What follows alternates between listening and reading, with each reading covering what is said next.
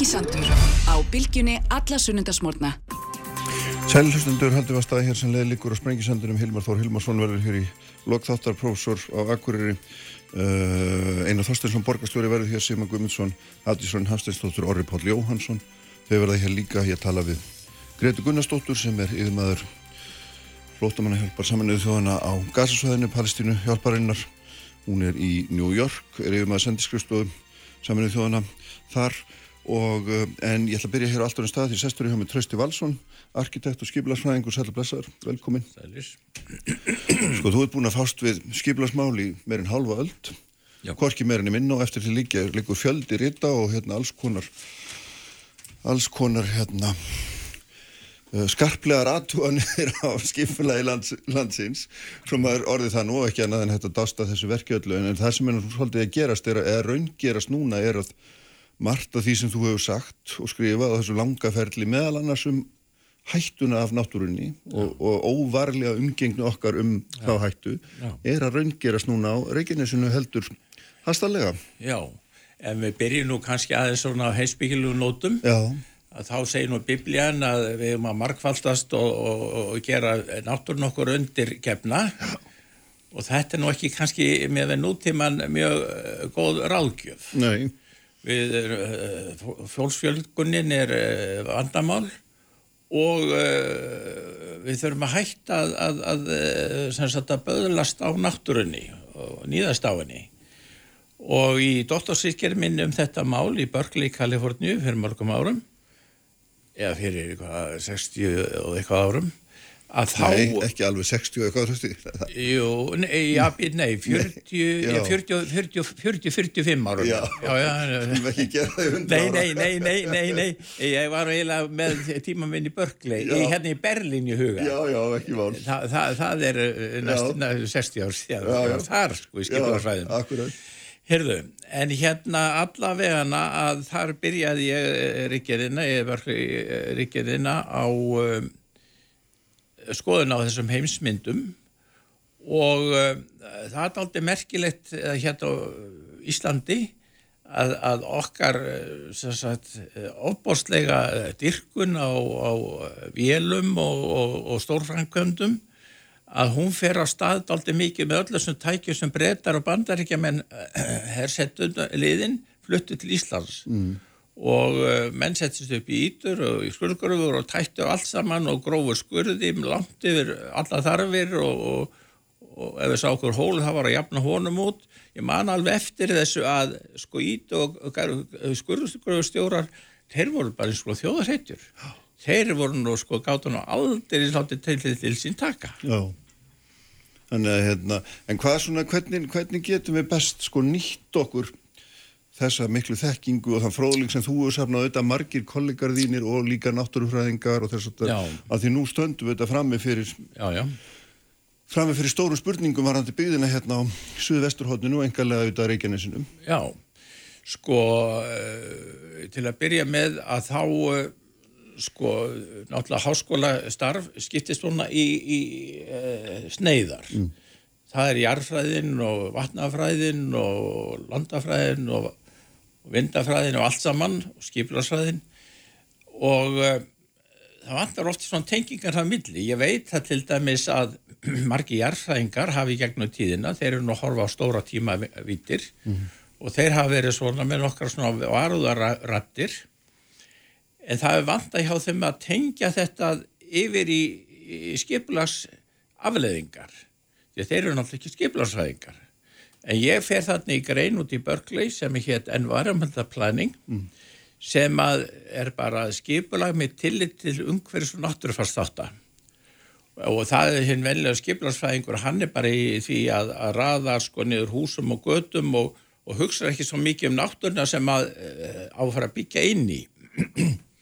Og þetta er sérstaklega mikilvægt á Íslandi þar sem við erum með þessi opbósla störku náttúröfla margskona tægi mm. Og svo var það stutt eittir ég komið frá Berlín að þá hérna þá, þá er, verður gósið í Vestmanniðum ekki 27. janúar 1993 73, já. Se- 73, já. Já, 23. janúar 73. 23, já. Já, já. Jæja, og þá, uh, þá var ég nú byrjaður á því, sko að ég þekkti þessa aðferðafræðar, bandarískur fræðima Mark Harg sem að skrifa að merka bókum þetta sem heitir Design with Nature, að hvernig hönnum við og skipulegjum við til náttúrunar. Og það er allir náttúrvar mál meðan þetta á sér þessa bók og, og, og, og þetta var svona eins og biblið hjá okkur þannig í Berkeley. Og uh, þá uh, var ég búin að hafa það verkefni að, að, að gera náttúrfarsúttektir á öllu svæðinu fyrir norðan og norðaustan grafvógin og ég stjórnaði þessu verki og, og líka fyrsta aðalskipulegin og alveg upp í álvarsellið og að mörgum við Moselsveit, Moselsbæ og uh, þannig að þar var ég búin að vera í vinnisn og kortum. Svo ekki þegar að, að Gísi Vestmann þá segi, segi bara með sko þetta gengur ekki sko að, að við vitum ekki hvar, hvar þessi hættu svæði Ölgósa og Hraunflós eru á landinu. Og smá saman fór ég að skrifa nefnir lista af þessu og endaði með lista på tíu náttúruvár. Og svo reyndi ég náttúrulega fokkur innenda styrki, fekk ekki krónu.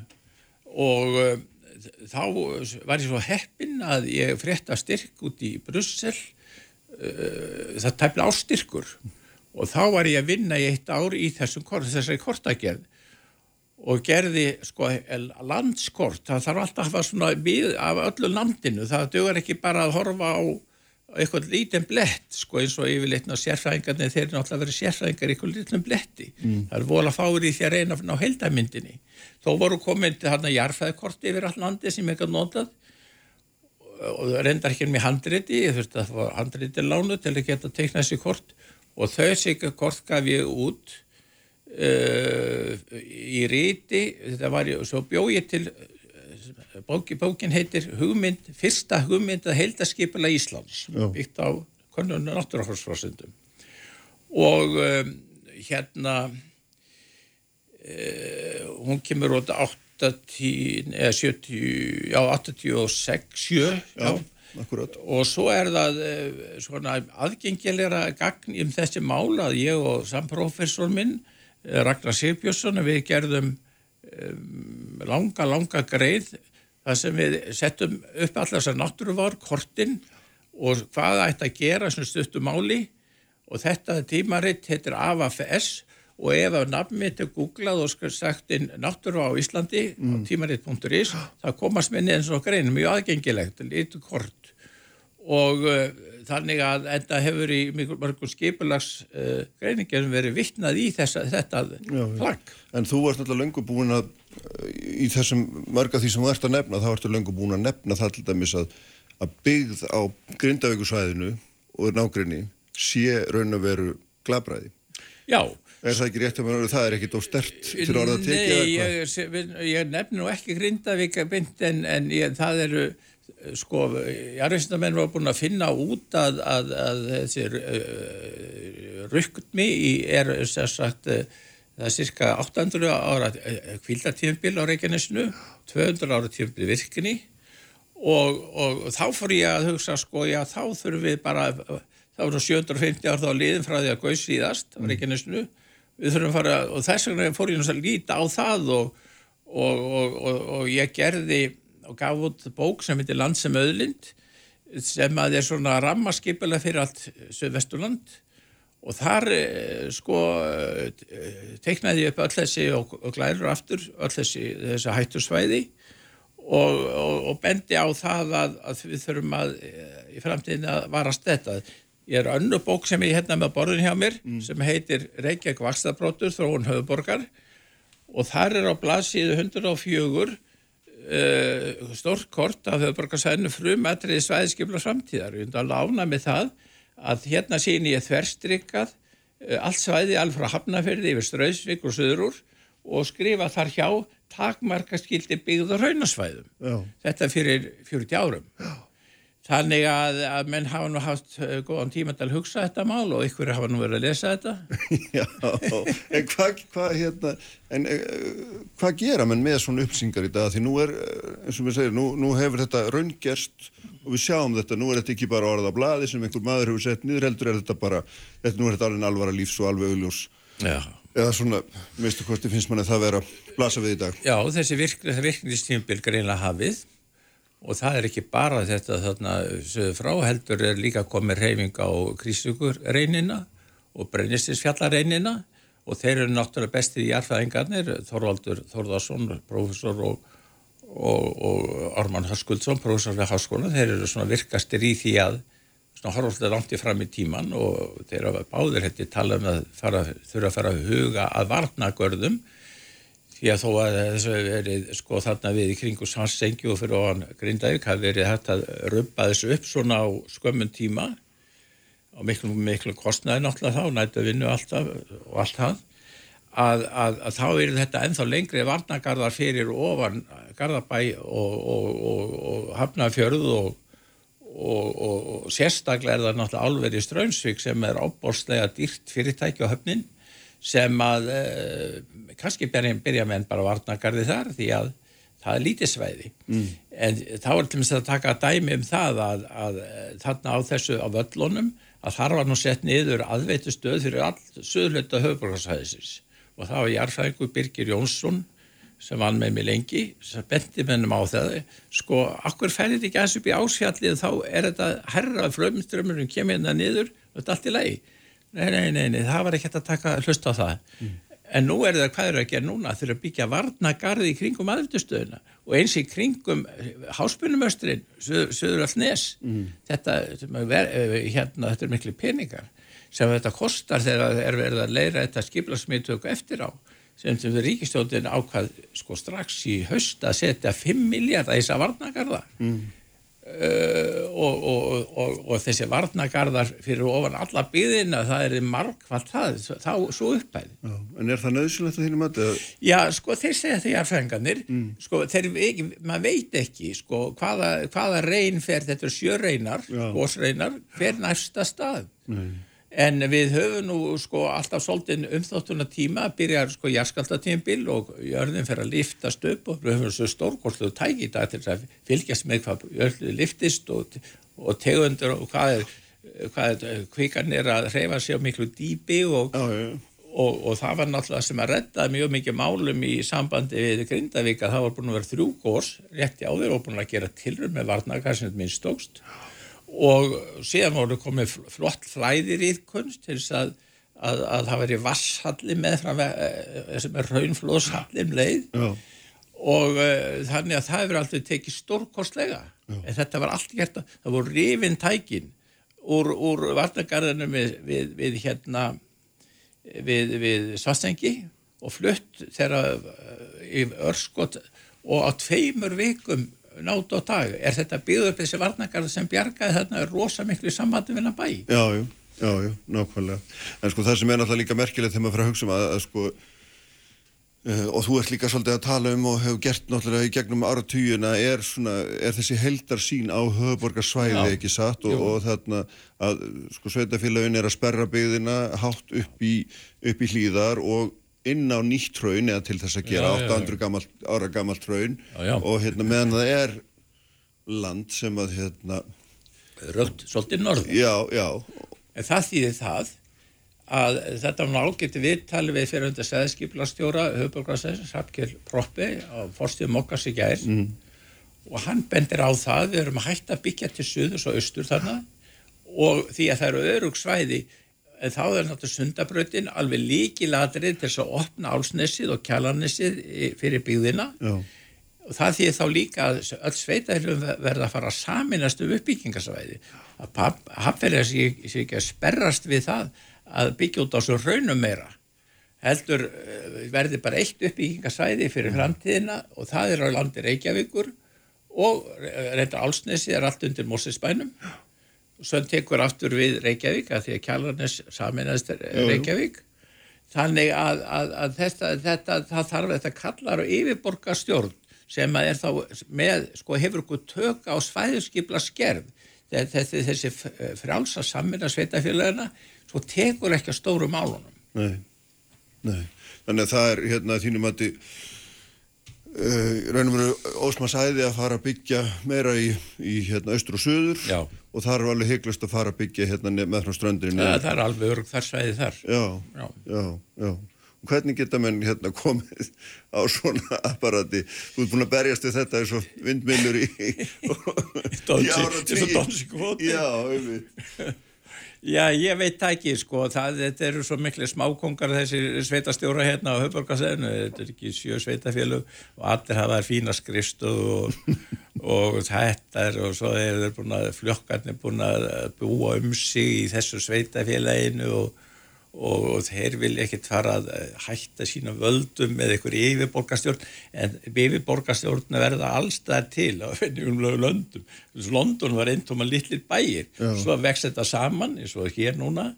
Og þá þarf að, að, að búa til yfirborgastjórn sem að ræður svona stóru línunum eftir sem áður ráða það einstaklega sveitafjölug uh, bara sínum álum Já, já, en sko hérna það er, það er svona Sko eitt af því sem var svona mjög merkilegt að þú saður einn daginn í, í sko viðtalið heimildina með þess að það var alveg það sem var svona kveikt í mér að tala við því og það er þessi svona, það er þessi fullingi sem ég er svo áhugaverðin það við hérna hversu svona, hversu hrókafull við erum orðin gangvart náttúrunni og, og svona og hennar áhrifum á Það þykir bara flott á Íslanda að bjóða náttúrunni byrgin. Já. Og, og það er bara sá sem veður og þetta er brjála veður og það er, það er okkar hetjur og, og, og yfir, yfir náttúrundasvæði og svo er allur retta, þannig að retta rannar íslensku sko og við erum góður í að sko hafa retta, grindavíkar retta, retta bara síðustu mínundu nánast mm. með að byggja þetta á þetta stóra varnangar með svona rísat ítum og tækjum mm. á, á tveimur vikum, þetta er alltaf afreg Já og þessi menn sko svo var að fara að gjósa þarna eitthvað eh, innan innan músis á lítið saltar Já. en þá fóru þessi lítustjórar og björguð þetta var 800 miljóna uh, verðmændi í þessum ítum einan og 120 tónn og, og sko þetta er hægt í daga því að við erum svo, eiginlega svo stórvirkt tæki.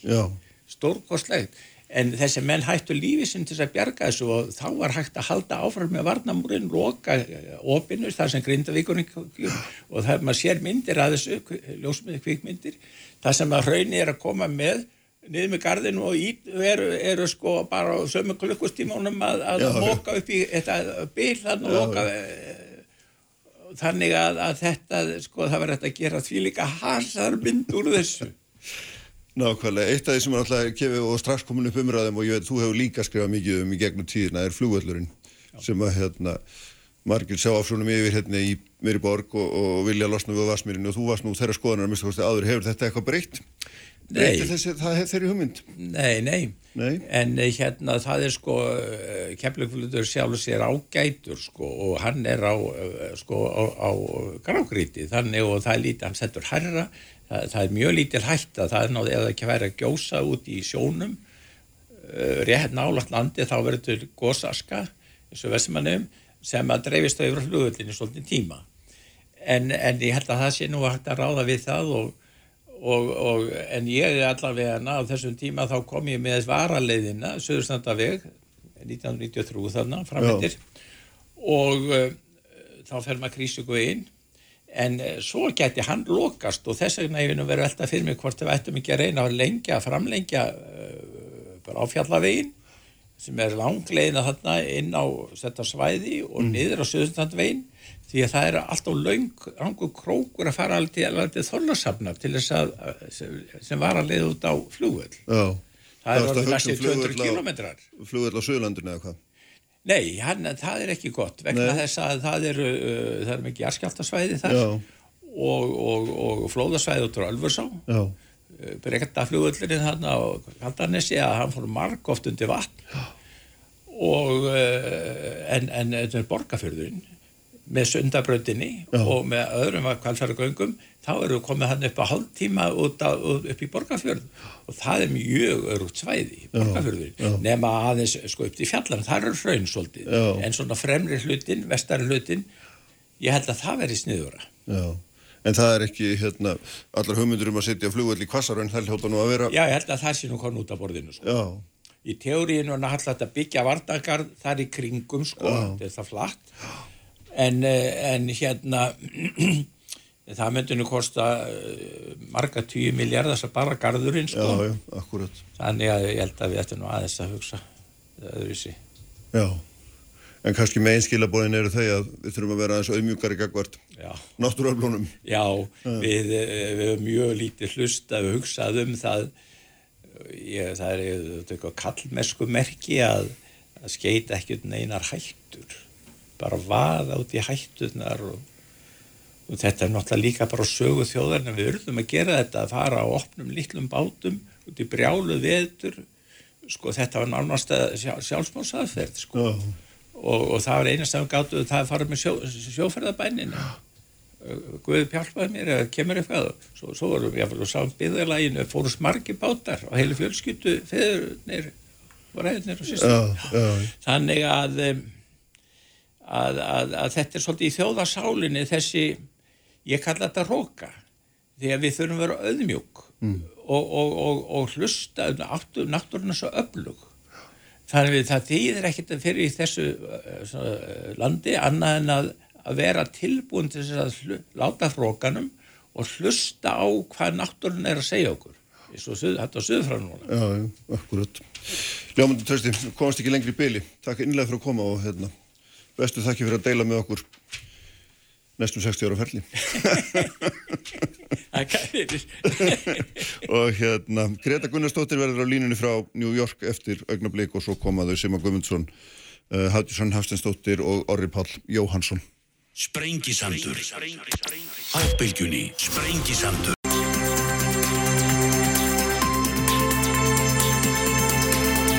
Sælir afturlustendur, Trösti Valsson farin frá mér uh, Ég vona Hilmari Þór Hilmarsinni, uh, professor Akkurir hér lók þáttar, Einar Þorstinsson borgastjóri verður hérna, verður hérna líka og þau verða hér á eftir Hafdísson Hafstinsdóttir Simar Guðmundsson og Orri Pál Jóhansson, allt alþingismenn, þá ætlum við að ræða um framlega Íslandinga til uh, flottmanni hjálpa saminuð þjóna eða þessar sérstöku stofnunar sem að starfar í Palestínu og, og stiður við palestinska flottamenn en, en við eigum þar fullt trúa því að Greta Gunnarsdóttir er yfir uh, New York sendiskrifstofu þessara sömu stofnunar sem er nú skamstofið UNVRA á, á, hérna, á ennsku. Sæla blessu Greta. Já, sælblessu Kristján. Blessu og sæl, takk fyrir að vera með mér. Sko, hérna, þessi stopnun, segðu mér aðeins svona örlítið bara frá, frá umfangi og mikilvægi hennar á, á til dæmis gasasvæðinu. Já, takk, hérna, og takk fyrir að hérna, bjóða mér í þáttinn. Já, er minnst. Og hérna, Eh, svona kannski að byrja á því að tala ekki alveg bara um gasa heldur um stopnuna okkar starfsemi á svæðinu við störfum á gasa og líka á vestubakkanum Östur Jérúsalem, Líbanon, Sýrlandi og Jórdaníu eh, við erum með í heild 30.000 eh, starfsmenn, við erum með yfir halva miljón barna í skóla og 8.000 ungar konur og, og karla í, í hérna, verkmöndun Við rekum yfir 100 heilsugjastlistöðvar og eitt spítala á Vesturbakkanum. Og síðan erum við með uh, lánastarfsemi fyrir hérna, þá sem er í fyrirtækjarekstri, svona sem er sjálfbær lánastarfsemi og uppbyggingu á húsnæði sem að uh, skemmist uh, eins og gerist yfirlega á sem þessum svæðum í, í átungum. Mm.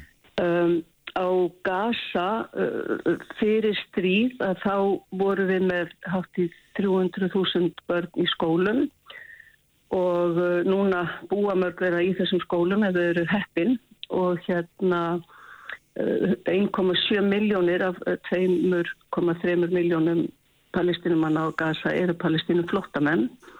Við erum með 13.000 starfsmenn á Gaza og uh, við veitum ennþá sagt, núna að þá eru skólanir okkar eh, það húsnæði sem að fólk leitar skjóls uh, vegna átakana og við erum með um, semst veitum ennþá helbriðstjónustu að vísu við vorum með 22 helsugeslistöðar og það er engungu fjóra starfandi en við erum með uh, svona teimi helbriðisfólk sem að fer í þau húsnæði þar sem að fólk er, hefur leita skjóls og líka þar sem að eru tjálbúðir og, og veita svona grunn þjónustu og við erum í rauninni, við erum langstæsti aðilinn á, á Gaza uh, sem að langstæsti aðilinn sem sinnir mannúðar störfum og hérna á meðan við erum með þúsundir starfsmanna eru aðrið bara með hérna samanlagt eitthvað um nokkur hundruð starfsmenn. Uh og hérna, já. Já, en það er, sko, ég séð svona í greinum um þetta að sko það sé hægt að fullir það að nánast allir á gasa þeir reyði sig á ykkur í eins og staðan er núna fyrir grunnþarfir vatn hérna mat, uh, helbriðskogn er þetta, myndur þetta vera rétt lýsing eða hvað? Já, þetta er rétt, rétt lýsing við erum, sko, fyrir þetta stríð erum við langstæsta stopnuninn á Gaza og uh, eftir að stríðið byrjaði þá er það, erum það við sem erum langstæsti aðilinn og það erum tvær miljónir manna sem að stóla á okkur þegar kemur að, að aðstóð og uh, ekki bara fólkið á svæðinu heldur líka aðrar hjálparstofnanir og Er, er það þannig að ja. þær yrðu óvirkar ef að til dæmis að látið yrði að fjárstuðningi við ykkur og þá yrðu aðrar hjálparstofnanir nánast óvirkar eða hvað? Já, við veitum sko svona stuð, stu, já, hvað kallar maður þetta svona aðrir að, aðrar stopnarnir stóla á okkur þegar kemur að sagt, skipulagi alls um, mannúðarstarfs uh, við sjáum um, um samskiptin við, við Ísæl þegar kemur að, að hérna, flutningi á hjálpargögnum, við sjáum um flutninga samhæringu vegna öryggismála, vistun mannúðargagna og við erum svo stopnum sem hefur yfir að ráða húsakosti og uh, þannig að aðra stopnarnir stóla á okkur og, og nýlegt dæmið til dæmis að UNICEF um, flutti inn, fekk inn á svæðið eitthvað en 13.000 bóluefni og þá var það okkar heilbreyðstarfsfólk sem sáum að bólusittja börnin. Oh, oh. Og þannig að og, það er ekki bara við sem segjum að hérna að, að um, allt mannúarstarf bara reynlega falli niður ef að, að unra er ekki starfandi heldur eru líka aðrir aðilar uh, eins og yfirmaður uh, samhæfingar mannúamála saminuðu þjóðan og Martin Griffith hefur tekið fram að, að það, það sé enginn sem getur komið í staðin fyrir unra á svæðinu mm. og hann byðlaði ekki engungu til þeirra ríkja sem að hafa frestað framlögum til þess að leggja aftur framlög, framlög til stopnunar en það heldur seinlega sagðan að þau yrða að gera það. Já, en svo sko nú, og, ástæðin fyrir við að tala saman er þetta svo að eins og framög komið náttúrulega og, og hérna er þetta svo að það er einhver líklega einhverju 12-13 starfsmenn ykkar eftir því sem ég skilst, ég hef ekki séð aðrar tölur allavega og hérna sem að talið er að hafa tekið þátt í beintið óbeint, það er ekki rannsókn ekki búin en talið er að hafa tekið beintið óbeint þátt í hriðjörgum Hamas gegn, gegn Ísæl hérna 7. oktober og það er búið að reka alla þessar starfsmenn mjög hratt úr, úr vinnu og, og, mhm. hérna, og það er auðvitað ástæðan fyrir því að fjölmörg ríki hafa ákveðið að minnstu ástu fresta hérna sínu framlægi. Hvernig, hvernig, hvernig var þetta við þegar að þessi, þessar fréttir bárust? Það er náttúrulega fyrir okkur öll sem starfum hjá stofnunni þá var þetta gífurlegt áfall fyrir okkur öll að, að uh, frétta af þessum ásökunum og þetta eru auðvitað mjög alvarlegar ásakanir um reikalega glæpi sem að stríða gegn öllu því sem saminuðu þjóðurna standa fyrir en þetta eru ásakanir gagvart einstaklingum en ekki gagvart stofnunni. Þetta er þannig að yfirmaður okkar uh, yfirmaður UNRA, hann tók ákvörðun strax um að segja þessum starfsbönnu fyrir, fyrir varalust og þar nýtir hann sér undan þá ákvæði sem heimilar upp samstundins ef hann letur að hagsmunni stopnunarinnar krefjist þess. Og síðan í framhaldinu að þá hefur aðalsvengundastjóri saminuði þjóðana sett í gang rannsók þá þeirri skrifstofu saminuði þjóðana sem fyrir með æsta vald í innri rannsóknum innan stofnunarinnar og, og hann hefur sett þetta í forgang. Þannig að það er búist við að bráðabira skýrsla frá þessari skrifstofu líki fyrir innan fjögur af vikna. Og á þessari stundu er ekki margt annað sem hægt er að gera. Þetta, þetta er bara farið í ferli. Já, nokkvæmlega uh, sko og, og, og það er annað hérna, sem ég langar að nefna við líka bara í þessu samingi er auðvitað, sko, maður sér mjög við það líka er ásakanur um það að fjármagn sem settir í gegnum þessa stopnun uh, það renni í raun og veru bara til hamasamtakana beintið óbeint og hérna þau, þau nýti þetta og þetta er ekki síður alvarlega áskum. Hvernig, hvernig svarið þið þessu? Sko, við tökum allar ásakanir alvarlega og við búum við endalösar ásakanir um alls konar brot á hlutleysisreglunni og þú nefndir bara ein, ein, eina tegund af ásökunum sem, að eru, sem að við búum, búum við og við tökum allar ásakanir alvarlega og við rannsókum ef að það kemur í ljósa það er einhver, einhver rauk fyrir því að það hafi orðið brot á hlutlýsisæklunni og þá sem að þetta myndi þýða ef að fjármag var að fara beint til amal að þá fyrir gang rannsókn og svo framvegis. En hérna við það verður líka sína heilbriða tortrykni gagvart þeim ásökunum sem að stopnunin verður fyrir að því að við vinnu um, umhverfi okkar er á hernumdu sæðum og fólkið sem við vinnum fyrir eh, staða palestínu flottamanna er partur af deilumáli Ísraels og palestínumanna. Og eh, en þegar kemur á þessari ásökun að, að fjármaksi að fara beint til, til eh, Hamas að þá er mikilvægt að líta til þess að við erum stopnun sem er ekki með alls konar milliliði heldur veitum við þjónustuna beint til þeirra sem að eiga að fá þjónustuna. Og uh, það sést sko á umtangi starfseminar hvert peningarnir fara. Þeir eru að fara í mentun barna og rekstur á skólum. Þeir eru að fara í rekstur á heilsugjæslustöðum og í líf og svo framvegis og launakostnað þannig að, að, hérna, að fjármagn sé að fara til Hamas. Þetta eru ásaganir sem, eru, sem koma fram en það eru engin rauk færð fyrir þeim. Mm -hmm. Þannig að hérna uh, að að, það verður líka að líta til þess að sagt, hvernig við tökum á málum og líka hvernig við erum að vinna að því að veita aðstof og eins og ég segi að þessu vinnu umhverfi að, að sína smá heilbriða tortvikni.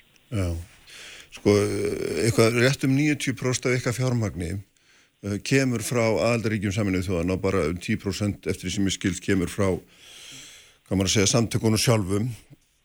Þannig að, að sko, lístu því aðeins, hvað gerist í raun og veru ef það er þjóður og bandaríkjum er náttúrulega langstæsti fjárveitandi til ykkar langstæsta, uh, þeir veita langmæstu fér til ykkar. Hva, og hérna er þetta í fórustu fyrir því að, að hérna fresta því eða jáfnvel eitthvað meira? Hvað, hvað gerist í öllu þessu starfi ykkar ef að, ef að þessi ríki sem þannig eru nefnt mörgastæst og ríkis, ríkustu ríkim heims hérna standa við þessi við þetta? Sko Það er alltaf erfitt að útskýra þetta í stuttumáli en, en hérna það er minna en 10% sem kemur frá samanliðu þjóðanum, frá fjárlegum samanliðu þjóðana. Við erum í rauninni, eh, sko við erum stofnum með yfir halva miljón barna í, í, í skólum og, og svo framvegis. Þannig að við erum með, sko við erum með alveg ríkalega umfangsmikinn rekstur og 30.000 starfsmenn og, og, og hérna, en við erum í rauninni rekinni svo frjálfskilaðarsamtök. Við þurfum endalust að vera að hérna leita eftir framlögum, frjálsum framlögum frá aðeitaríkanum og grunn fjárlög unra sem er tæpar 900 miljónir fara, það er yfir 80% af þeim sem að fara í launakostnað. Og það sem að liggur fyrir er að ef að þessi ríki halda því til haga að fresta framlögum að þá eigum við ekki uh, neitt fjármagn í lok februar til að standa undir grunnrekstrinum sem sagt launakostnaði og, og almennum rekstarkostnaði stofnunarinnar sem að öll starfseminn grundvallast á bæði neyðaraðstofin í Gaza og önnur starfsemi sem við erum með á hínum svæðunum, Vesturbakkanum, Líbanon, Sýrlandi og Jórdaníu. Og ef að við getum ekki staðið undir ekstra kostnaði eða launakostnaði, þá fellur öll starfseminum sjálft sig, ekki engungu á gasa.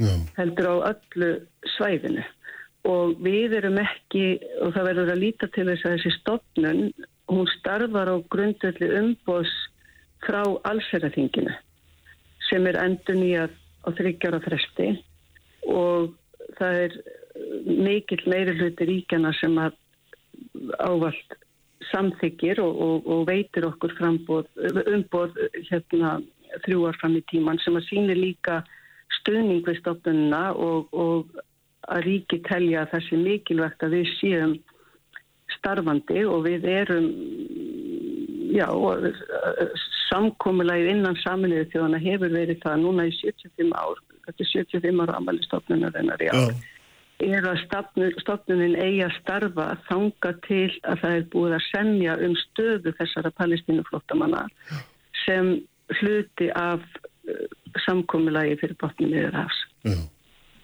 En, en sem sagt, það sem ég er að segja að ef að ríkin uh, halda því til haga að, að, sagt, að, að greiða ekki framlúti stofnunarinnar að þá fellur öll starfseminn um sjálft sig í lók Já, februar. Já. Já, það er bara svo leiðis. Lók þessa mánuðar. Já, það er bara og þá er ekki bara starfsemi unra sem að hérna er í hættu heldur líka starfsemi annara hjálparstofnana sem að stóla á okkur og það starf sem að við veitum til þess að greiða þeirra götu líka eins og að gasa.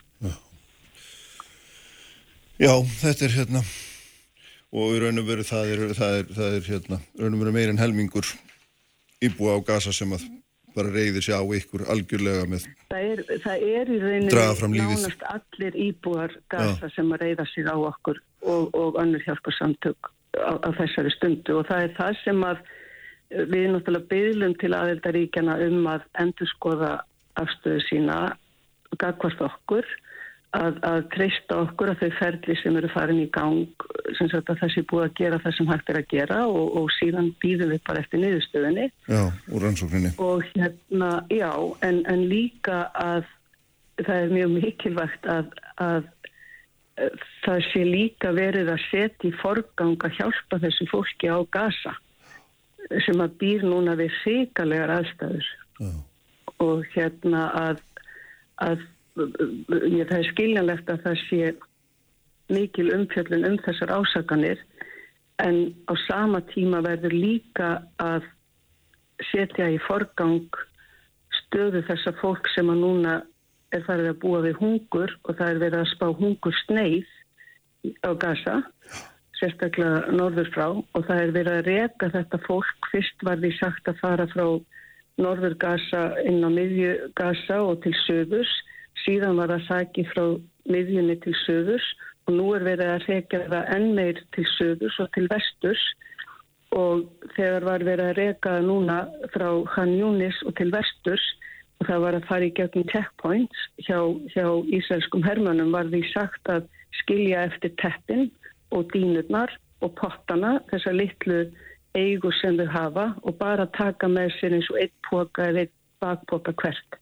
Mm Og þetta fólk býr við aðstæður sem eru algjörlega óásættanlegar og alls þjóða samfélagi verður að gera sitt til þess að veita þessu fólki aðstof og, og hérna frá byrjun er UNRA og önnur hjálparsamtök saman við þjóna. Við erum búin að fara fram á vopnalli af mannúðar aðstofun að aðgangur fyrir mannúðar aðstof sé eins og áverði kosið inn á svæðið og á öllu svæðinu og að þessi mannúðar aðstof sem fær að fara inn á svæðið þannig að sé hægt að sinna grunnþörfum þessara tveggja miljón manna sem þarna búa sem að geta hverki flúið. Þau geta ekki farið út frá Gaza. Nei, og það er það sem að gerir uh, Gaza, uh, átökin á Gaza eru mjög sérstök vegna þess að svæðið er mjög lítið, mjög þjættbílt og að fólki kemst ekki löndni strönd. Nei, nei, nákvæmlega. Nákvæmlega, hér, já, hvað sérum, já, hérna, þetta er, hérna, Þetta er hérna fingurinn tánum tæki eins og það stundur. Hérna ég ætla að þakka þið fyrir Greta að vera með mér í dag og, og hérna fæ kannski heyrið þér Kristján. við, við hérna Já. síðar. Uh, takk fyrir það. Þau verða hérna hjá mér eftir Simon Guðmundsson og uh, Orri Páll Jóhansson og, og Hafdís Svann Hafstinsdóttir við ætlum að halda áfram með þetta mál því að auðvitað er það þannig að Íslendingar hafa eða auðvitað ekki sáður hefur tekið ákvörðunum það að fresta okkar framlögum ég ætla að heyra álit þessara þingmanna á framhaldinu.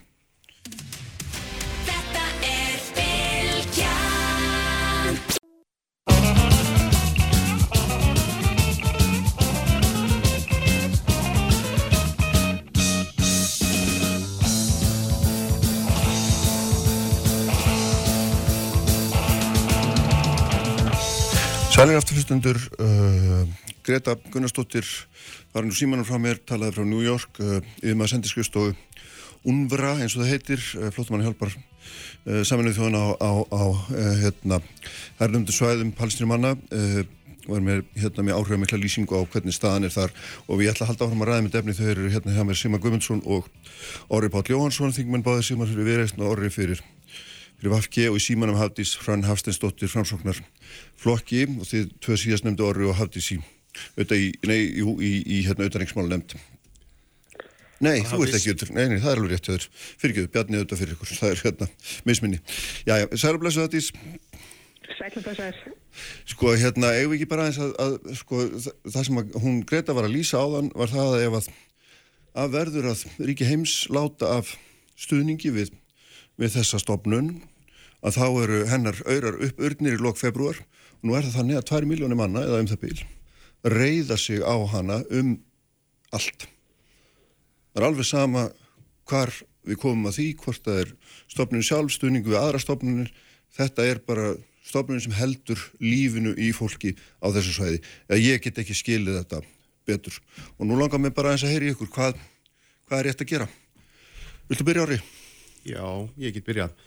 Sko það er alveg ljóst sem að eins og Greta segir hér á undan og, og okkur hefur nú svo sem verið kunnugt um að þetta er leikil stopnun á svæðinu uh, í þessu tilfelli gasa en líka víðar og eins og var farið yfir meðal hans í þætti í gæra á ríkisútvarpinu. Þetta er algjörst bakbein uh, og miða við þessar hörmungar sem þarna geisa og miða við getuleysi alþjóðarsamfélagsins í að stíga inn í það og, og stöðva það að þá getum við ekki treyst á annað en alþjóðastofnandur okkar eins og í þessu tilfelli og, og þetta er svo klárlega mikilvæg stofnun mm. og við verðum að mínum mati eins og við höfum gert að halda áfram stuðningi við hana með það sem við erum að heyra Þrátt verið þær ásakanum sem upp er um að einhverju starfsmenn hafi þar verið tekið þátt í hríðverkstarfinu. Já, nú er náttúrulega verið að rannsaka þær uh, og komast til bots í þessu máli og Greta fór varlega en kom líka inn á það að þetta er ekki, er ekki nýtt á nálinni í þessu, þessum deilum stríðandi aðila þarna fyrir botni miðjarahafs að, að það komi allskins ásakanur í þessu tilfelli á hendur 12 stafsmenn og ég ætla ekki að gera lítið úr því ef rétt reynist, alls ekki.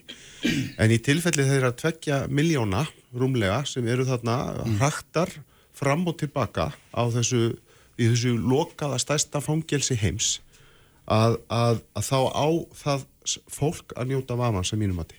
Hattis, hvað segir þú? Þú gaggrindir það að auðvitaðringsráþur skildi ekki hafa samráð við auðvitaðringsmálunemnd, varst fljótt til þess. Hvernig sér þú þetta framhald fyrir þér? Um, eins og ég segi, mér finnst aflegt að við höfum bara stöðvað uh, framlegin án þess að uh, rannsóknin hafi verið bara leitt til lykta áður en að þessi ákvörðun að tekin. Það voru vissulega fleiri framlegsríki sem að tóku þessi ákvörðun en ég hefði kosið þess að við í auðvitaðríkismálunemnd hefðum fengið allavega upplýsingar um þessi ákvörðun áður en að uh, hún var gerð ofinberð Þannig að það var hægt að ræða hana þá innan nefndarinnar viður áþrann.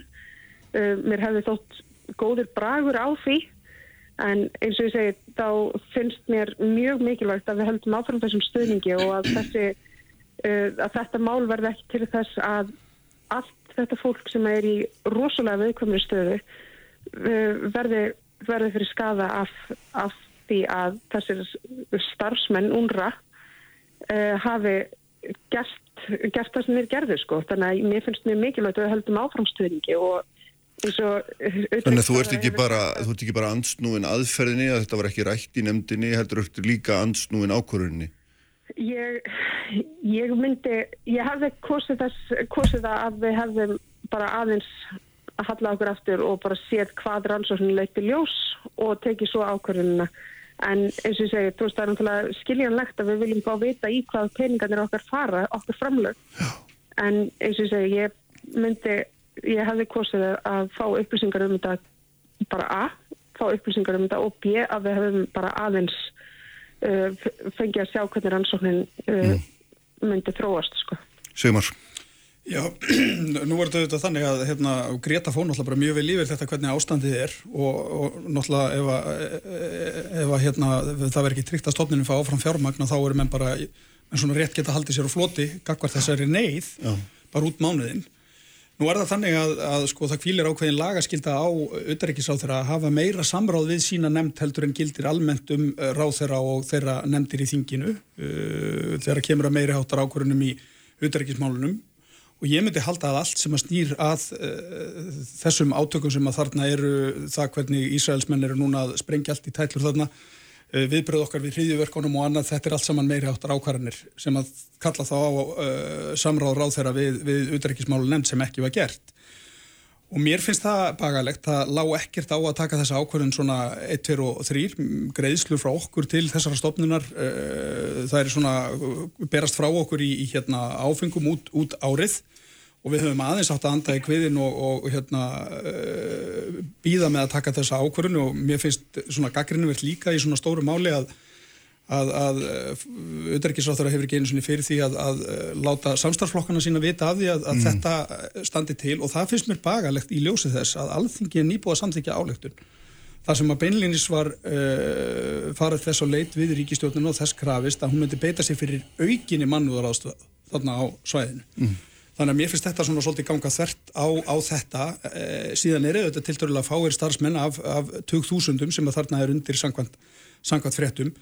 Ég ætla hins vegar ekki að gera lítið úr því að um leið og við erum komin í þá stöðu að það leikur grunnur á að, að stopnun uh, á borði þessa sé einhvern veginn að flækt í einhver, einhver hérna hriðjúverk eða annað þess að þá er það auðvitað bara graf alvarlegt og það grefur auðvitað þá undan, undan tildrú þessar aðstór sem að þarna er svo mikilvæg. Þannig að, að, já, mér finnst þetta bæði vera spurningum það að, að þegar við erum að taka svona reysastórar ákvarðanir þá gerum við það uh, sangkvæmt þeim lögun sem gilda um samskiptir á þeirra mm. við nefndina og svo líka það að við treystum kannski saminuðu þjónu til þess að leiða þessar ansótt til líkta hrattvel og öruglega. Ég, mér hefur fundist að viðbröðin hjá saminuðu þjónum uh, og stopninunni sjálfur sem þarna er undir uh, vera trúverðug. Þeim finnst þetta alvarlegt, þau vilja rannsaka þetta. Það er búið að vika mönnum þarna úr, úr störfum Þannig að þetta hefði mér nú svona fyndist vera réttar í fyrstu viðbröð hjá Utryggisáð þegar frekar heldur en að, að einhlið að taka svona stóra ákvörðun mm -hmm. þvert gegn uh, álítun alþingi sem að samþygt var bara fánum vikum áður. Orri. Já, ég meina þetta er rétt sem Sigmar segir að við þetta saminuðust um eitt farra þjóðfinga í heiminum. Saminumst um álítun sem gengur fyrst og fremst út á sko tafalust uh, stöðun átaka þarna Eh, við erum auðvitað með litla rött og við sannlega höfum rött en við getum beitt okkur á vettvangi alþjóðastofnunum okkar og það höfum við verið að gera og grundvelli þessara álíktunar alþingis þá hafa framlögin verið aukin, var nú meðal annars bara nýlega tilkynnt um aukin framlög til Rauðakrossins í samengi þessara átaka á svæðun en eins og kom fram hjá Gretu að þá er unra líkil stopnun fyrir líka allar hinn að stopnandan sem er að reyna aðstofa og hjálpa til henn á svæðinu og því skiptir mjög miklu máli að standa vörðum hana og eins og ég hef skilið þetta mál mm.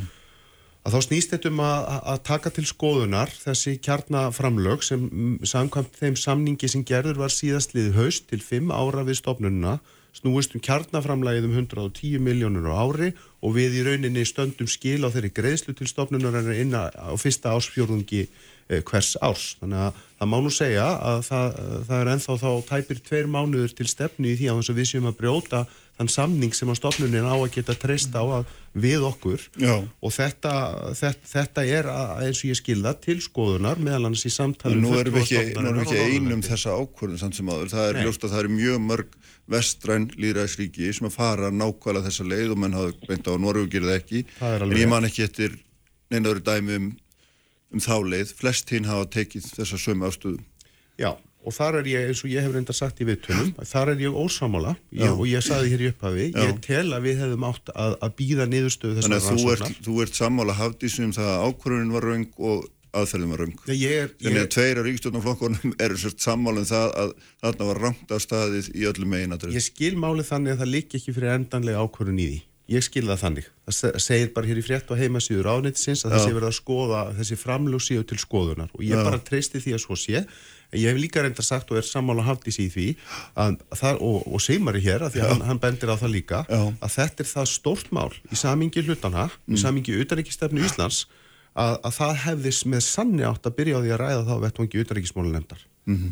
Hafdís, hva, hvað gerist í framhaldinu núna þegar þið eru greinlega svona hjertalega sammála tveir af þreymur stjórnarflokkum og þarna hafi verið rangt, rangt af stað farið. Hvaða, hvaða afleðingar hefur það ef einhverjur Eh, Þetta hefur náttúrulega, þetta var rætt á vettfangi auðvitaðrækismálunendar núna á miðvíkudaginn síðastlegin og þar kom uh, ráþara og gerði grein fyrir þessari ákvörðin og þar kom fram að það er ekkit útilagað að við stöndum við þessu skuldendingar en það er einhvern veginn þannig að það er uh, svo afstæða sem að ráþaran okkar hefur tekið í, í þessum málum er svo að hingra með það að veita þessi framlög uh, þangað til að það hefur eitthvað meira komið í ljós í þessari rannsók mm.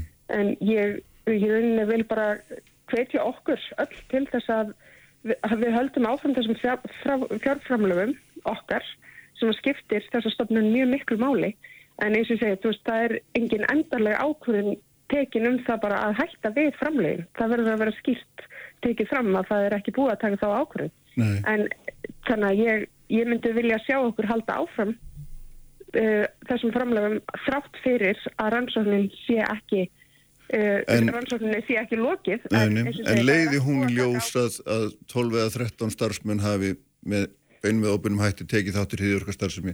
Hvaða áhrif hefði það? Þá er það bara ný staða sem verður að taka afstöðu til Já. og það Já. gerum við í samtali á vettvangi utaríkismálunemndar hefði ég haldið Mhm.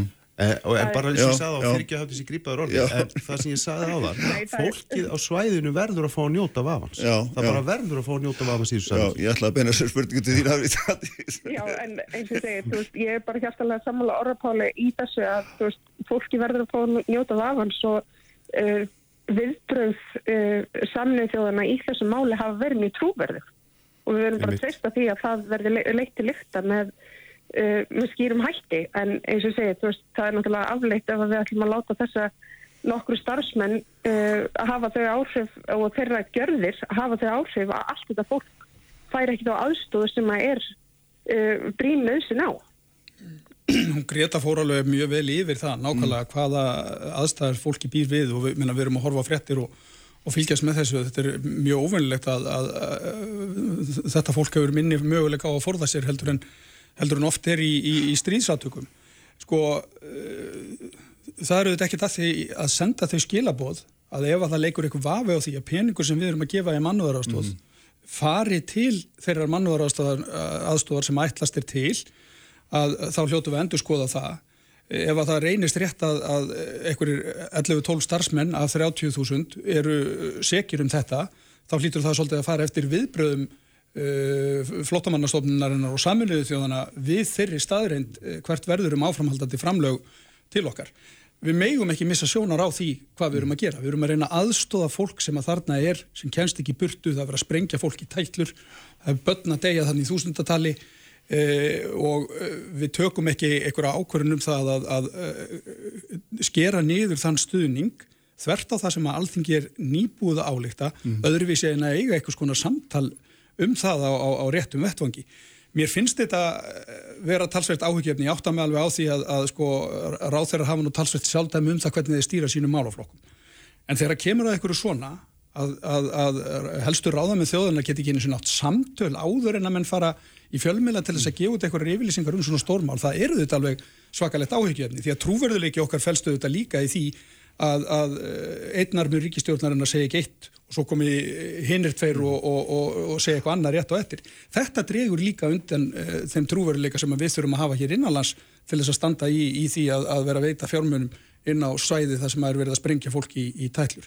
Þetta er góða punktu líka, Orri, því að hérna, það er mjög merkilegt og því hljótið að bregðast við því. Er það ekki hinn í stjórnaflokkarnir að, að, að fórsettsræður er ekki eins og látið vita og ekki heldur forma framsfólksins um að þetta standi til?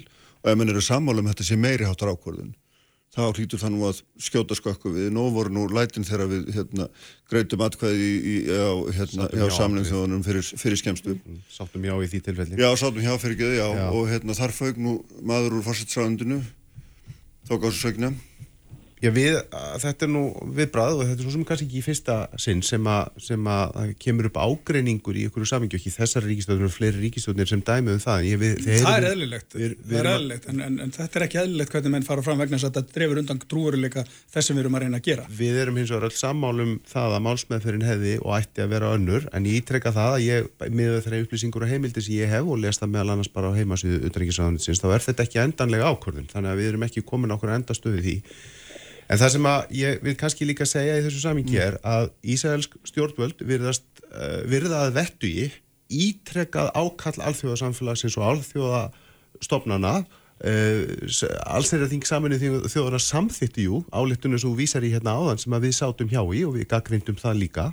Enga síður virðaðu það að vettugi og við verðum að geta staðið með þessu aumingjans fólki sem rekst þarna fram og tilbaka í þessu hryllilega ástandi og það er ekki rétta leiður, ég heyra við erum öll sammála um það hér að við draugum úr þeim mannúðar stuðningi sem við höfum veitt og við höfum frekar gefið í en hitt á, á erum að gefa hvað mest í með við höfðatölu uh, í þessu samingi, það bara er óásættanlegt að við draugum úr því fyrst að okkur tekst ekki notandi röttin okkar á alþjóðavettvangi að stöðva þetta hryllilega stríð sem er þarna fyrir botni mm -hmm. Það þóttu þér skýringar utanriksráðhrans eða rauksemt hans fyrir þessu var hún trúverðug? Um, það er náttúrulega skiljanlegt að það, það er um þetta sem að hérna, félagar mínir hafa svolítið komið inn á.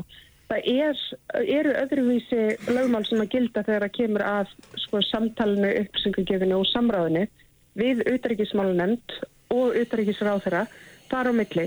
Þannig að mér finnst uh, skýringarnar að það hefur verið tekin uh, ákvörðun uh, í ljósi alvarleika málsins uh, mér ég, ég bara hreinlega veit það ekki. Ég skil vissulega að það fara eftir eigin samfæringu þegar þú setur í í þessu hlutverki sem auðvitaðrækisráðara en samtalið við auðvitaðrækismálunemnd verður að vera til staðar svo að ákvörðunin sé trúverðu og skýringarna líka. Já, hvernig, hvernig, hvernig getum við til dæmis komist að þeirri niðurstöðu að uh, það sem að við gerum fyrir að kemur á þessum átöku sem þarna eru uh, að það sé minniháttar mál eða ekki meiriháttar mál sem að kalla ekki á eitthvað samráð sem að skrifa þeir inn í lögin sem að gilda um auðvitaðrækismálunemnd og auðvitaðrækisráðara Mm. allt sem við gerum á þessum vettvangi uh, núna, þessa dagana á meðan að alþjóðafsamfélagið einhvern veginn situr hjá og, og og lætur þetta uh, ganga áfram til eiginlega nónsa því að verðist ætla að verða niðurstaðan. Uh, þú veist, við verðum auðvitað að, að, að hérna, eh, stíga svolítið fast inn í það sem við getum stígið inn í sem eru auðvitað að veita þá þessa tilteknu aðstóð. Við erum ekki þáttakendur í hérna, beinu herfaldi, við, þrýsti að blokkar á alþjóða vettangi er ekkit meira heldur en röddin okkar og ef við erum ekki sammála hvernig við ætlum að beita þessu tvennu, Mm. þá er svolítið hérna e, þá, þá erum við í svolítið slæmri stöðu gagvart, gagvart framhaldinu sko. mér, mér finnst að hérna þegar ráþæra talar um þetta eins og þetta sé ykkur ákvörðun sem hann geti bara tekið einn og sér og hann þurfi ekki að hafa samstarfið hérna auðvitaðismálunemnd, hann þurfi ekki einu svona ræða þetta við samstarfsflokkana sína e, í svona máli. Við getum auðvitað ekki hérna látið það eh, verða hérna endalegu niðurstöðu í málinu. Ég, sko, ég veit að þetta er matskent þetta er matskent hvenar er þetta meira áttur auðvitaðismál og hvenar ekki. E, ég hefði haldið einmitt vegna þess hvernig við leggjum alltaf miklu áherslu á það að reyna að tala einum rómi á, á hérna, alþjóðavettvangi að, að þa, þa, þá séum við full ástæða til þess að hafa samráði meira heldur en minna. Það getur aldrei, aldrei skadað. Og þarna var það bara þannig að, að, að auðvitaðriksráður að hljópa á sig. Hann gerði þetta í, í, í trássi við vilja alþingis, hann gerði þetta í trássi við samstarflokkanu sína í ríkistjórn og mér finnst að hérna, hann er bara viðurkenna það, svo sjáum við bara hvað kemur út úr þessari rannsókn og hver viðbröðum við því verða en, en við verðum að hafa hérna augun á því að það er fólk að þjást og, og við verðum að hjálpa því fólki. Það er stöttu þurfum að horfa líka.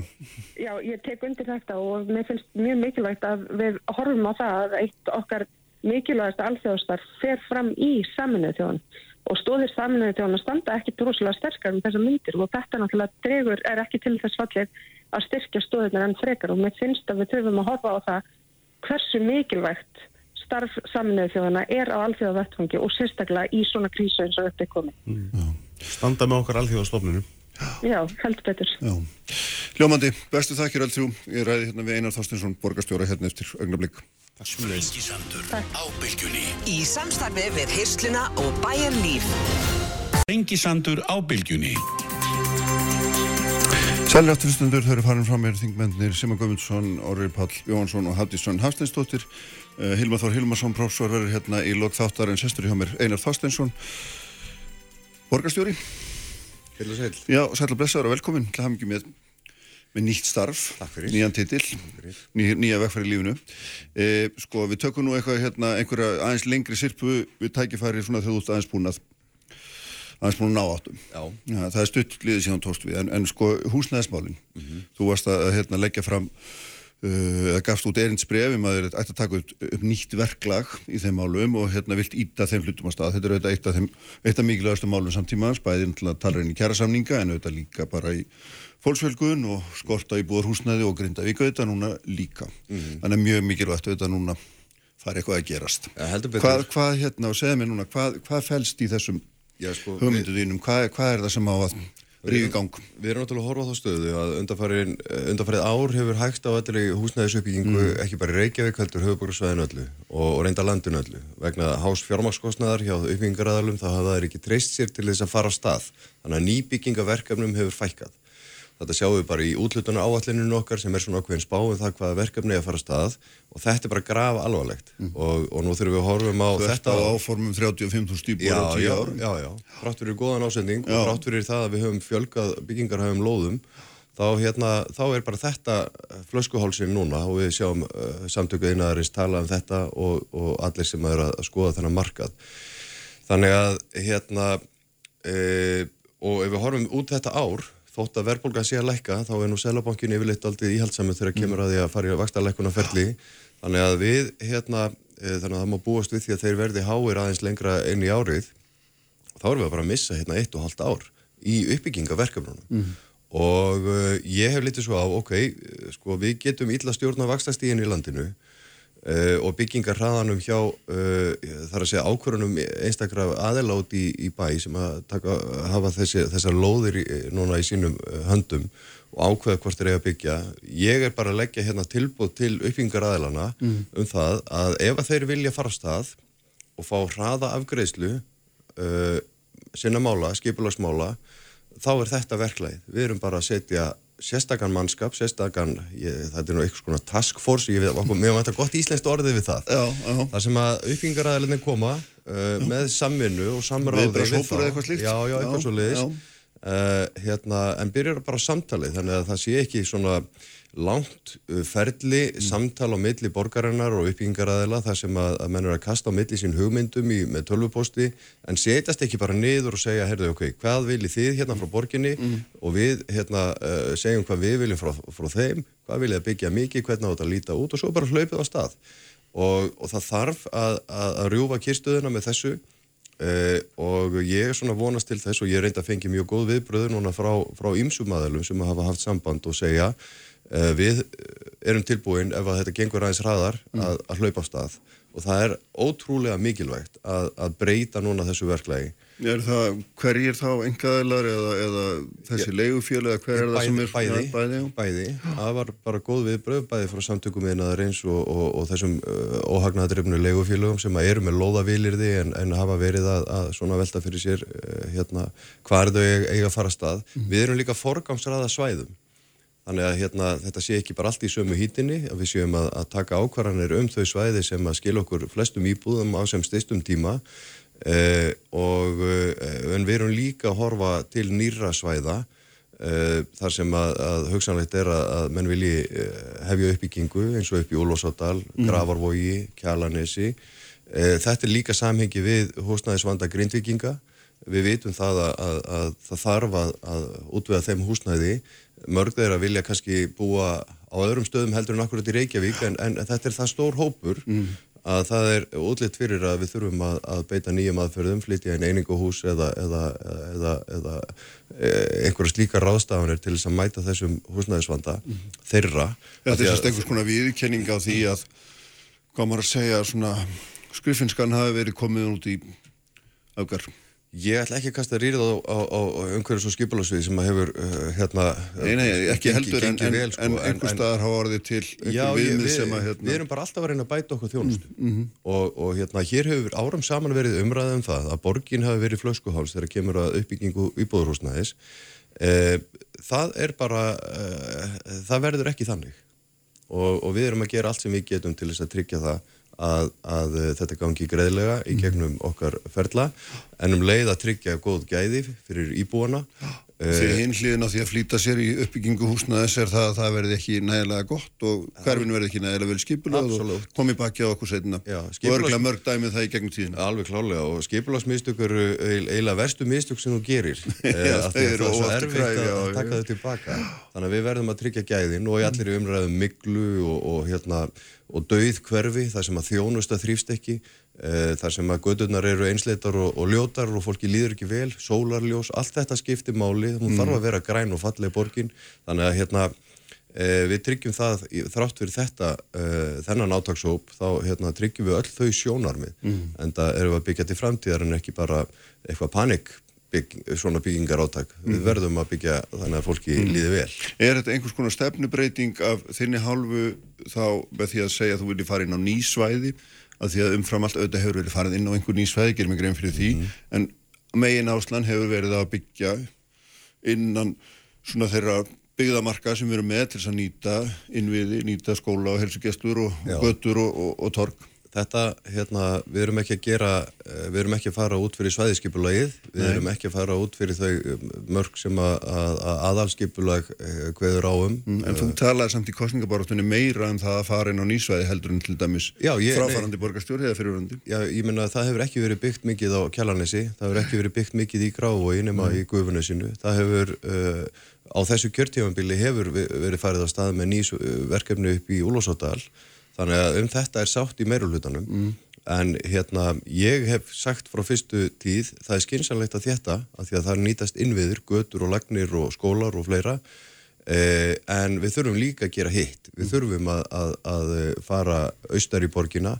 Eh, við vitum það að það er rými í skólunum í Grávói eh, þar eigum við að byggja, sannarlega. Mhm. það er mikið álag inn í skólunum vestar í borginni eh, Úlfarsadalurinn er líka þannig sveiði að það þarf að, að, að byggja þar í, í þessum fallegu söður hlýðum sem að, að eru þar til reyðu það þarf að fara aðeins í betur í tilskipulasvinnu og uppfæra það og, og hérna, eh, en það mun reyndar kalla á ný, nýjan skóla, gerir það fyrir sem Já. er mikil innviða fjárfesting fyrir borgina Já. en þetta er bara eh, hérna heildar sín en hún gengur út á það að, að, að hrista þennan markað í gang og ég held að það sé líka tækifæri á stærri lóðum, stærri reytum að, að, að leiða saman uh, óhagnaðadrifnu félögin uppbyggingaraðilana og fjármakseigundur sem að, er að lána inn í þessi verkefni og kannski stilla saman nýju plani Mhm. uh, við vitum að vextir eru háir en hvað ef að, ef að Borgin ætla þá að hafa einhvers konar milligöngu Já, ég, ég, ég, ég lít svo á að, að það sé hérna, okkar hlutverk að leiða húsnæðisuppbyggingu í, Mhm. í, í Reykjavík og, og, og núna þegar það er eitthvað skonar hérna, störukefni á milli fjármagseganda og, og, og uppbyggingaraðalana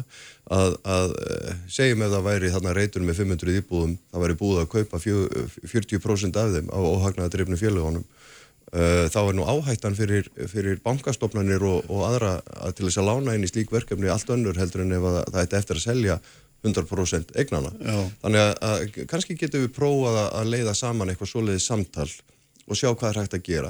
Ég er nú uh, bara að tala daldið upp um mér hérna, en Já. við verðum að komast áfram með þetta. Af því að eftir tvö ár, eftir þrjú ár, þá sjáum við mjög mikinn frambóðskort til viðbótar við þann skort sem nú þegar er.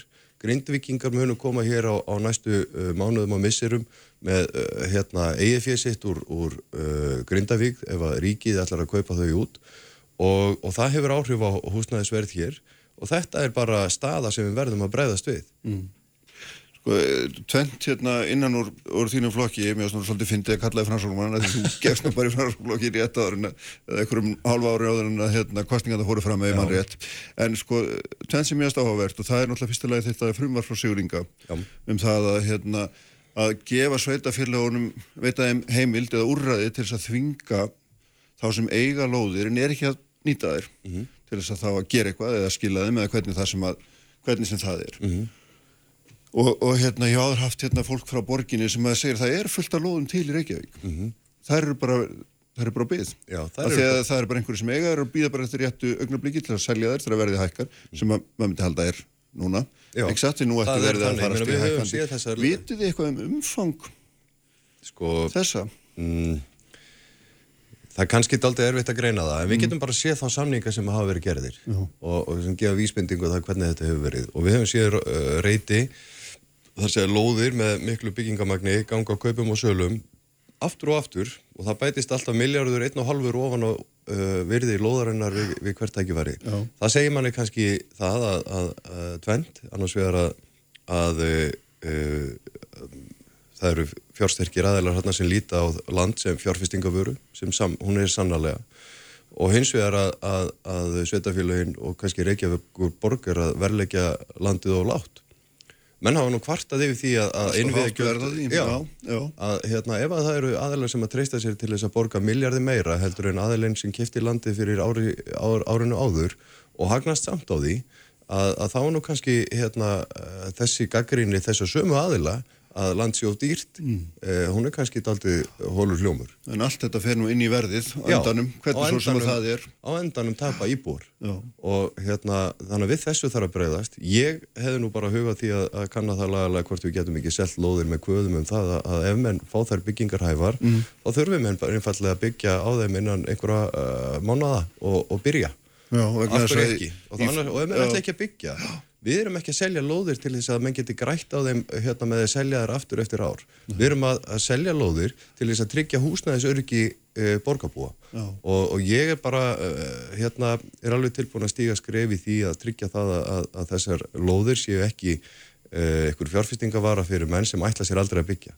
En það, í þessu frumvarpi er reyndar sko kveð á um að það þurfa að líða fimm ár áður en að sveitafélagin geta farið að gera eitthvað og það er nú það er daldi langu tími, þú ert að tala um nokkra mánuð Já, nú, ég meina, hérna, við erum í þessu átaki núna uh, við erum að bjóða það að, að menn fái kannski að, að einhverju leiti fara fram fyrir röðina að, að fá uh, snegri úrvinnslu mála og hérna í, í því samtali geta alveg komið það, þau sjónamið fram að menn fái það þjónustu ef þeir ákveða að byggja já. Þannig að mun undirgangist einhverja skuldbindingu Já. og það hefja framkvæmdir. Já. Svo annað í, hérna, líka er, sko, það sem að Lilja Alfriðsdóttir hefur sett fram um að skatleggja sérstaklega þá sem er að leigja út uh, hérna, þetta Airbnb í, í atvinnuskinni. Þú veist, maður hefur verið hérna, gerðilega einhver misbrestur á að hafa verið gert. og þetta er líka aðferðið það ekki til þess að fjölga íbúðum þá í langtímalegu eða til sölu. og er afar Vantarlega mikilvægt sem að þið, þið styðjið. Já, já.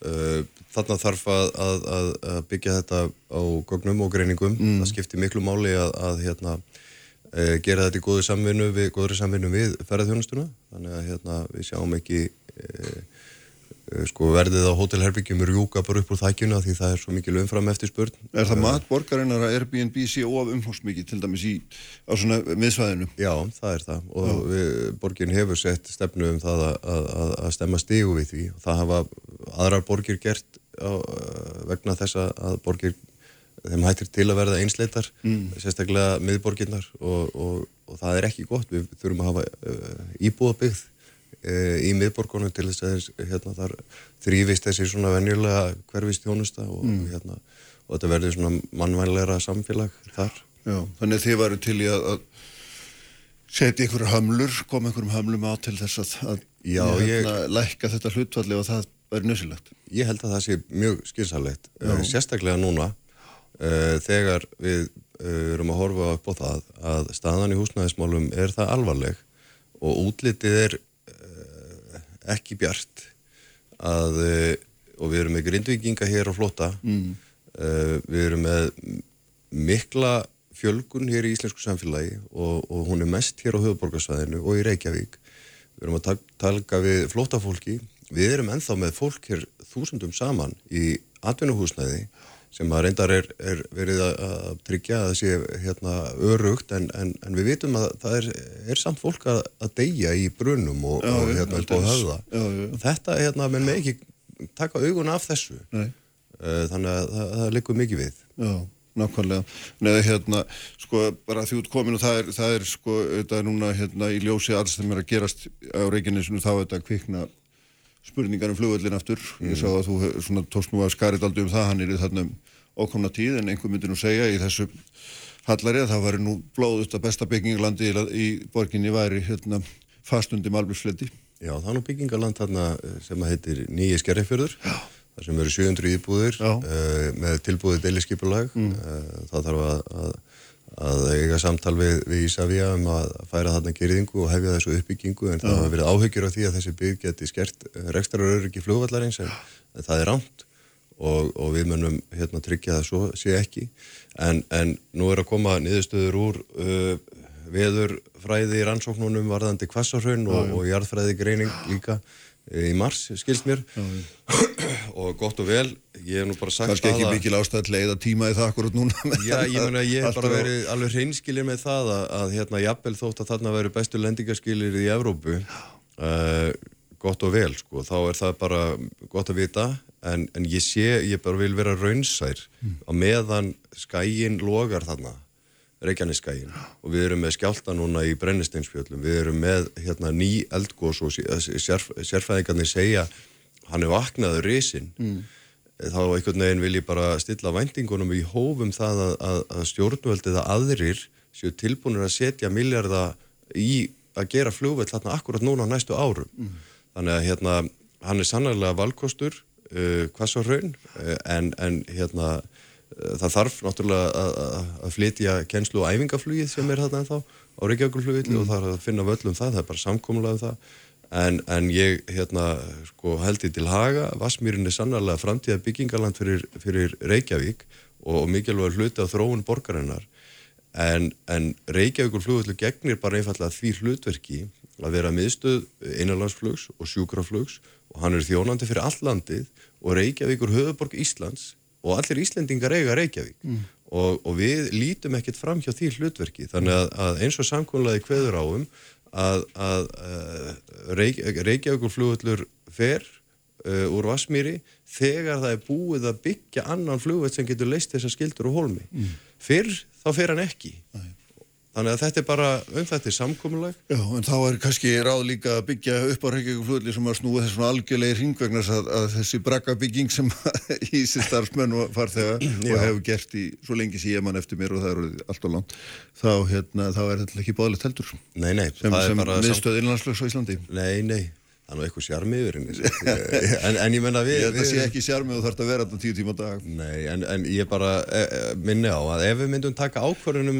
það í dag, ef það væri ekki eldgós á Reykjaneskaga Já. og við takjum ákvörðun í dag um það að, að gera flugvelli í Kvassarhaunni, Mm. þá tæki það samt 10-15 ára lámarki að hérna, gera, koma honum í, í, í, hérna, í rekstur.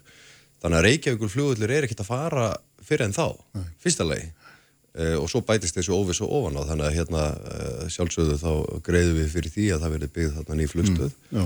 og, og hérna og, og þá þarf við að hafa í huga að hún skerði ekki rekstrar öryggi flugvallarins með því að vera of há og svona og þetta er nú tvær hliðar af þessum peningi Já, já, eins og svo mörgum. En það er sérst markmið núna að hérna, hraða verulega uppbyggingu húsnæðisins og við römmum það inn aftur Já. með því að einfalda regluverkið, hraða allri ágriðslu á hálfu borgarinnar, við gæði. rétt, tryggja gæði og bjóða upp á Já.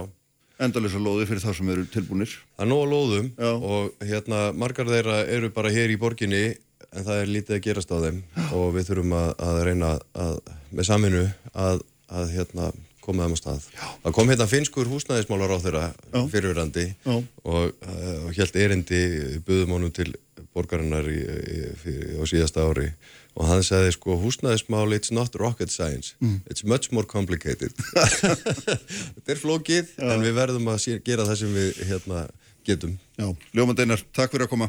Takk. Hilmar Þór Hilmarsson hérna hjá mér eftir augnablik. Sprengisandur á bylgjunni Í samstarfi við Hirsluna og Bæjar Líf. Kraftmikil umræða alla sunnudaga Sprengisandur á bylgjunni Uh, Einar Þorstinsson, borgarstjóri, farinn frá mér uh, eftir umræður um húsnæðismarkaðin sem hann heldur að vil heldur betur koma af stað, hleypa lífi í hraða allri afgjörslu borgarinnar til þess að hægt sé að byggja byggja eða, eða svara þeim þeir eftirspurð sem að já, þeir þarfælu heldur sem að hérna, fyrir liggur. Nú ég ætla hérna að fara aðeins að horfa út í heim núna því símanum er, er góðu kunningi þáttarins og vinur Hilmar, Þór Hilmarsson, professor Akureyri, sæl að blessaður Hilmar. Sæl, sæl Sæl, eriðu sko við hérna, uh, mér langaði núna aðeins að fara með þér í, í, í uh, svona bregðakur niður fyrir botmiðrarhafsins vegna þess að þar er þessi þar er tíundi eiginlega á hverjum degi sem að er eiginlega bara svona, já þetta fer, fer vestnandi dag frá degi sko og, og, og, og nú er þetta þannig að bandaríkjumenn og brettar eru farnir að, að gera nánast daglegar árásir inn á þetta svæði, er að skjóta inn á Sýrland, inn í Írak, inn í Jordaníu og, og hérna og Jemen. Svo að nokkri staði séu nefndir og, og, og svona ég veit ekki hvernig, fyrir auðvitað náttúrulega átökjun á Gaza, borgarstríði í Sýrlandi og í Jemen, þetta er hérna einhvern veginn að dragast um eitthvað mynd sem er frekar óhugnuleg, hvernig svona metur þetta?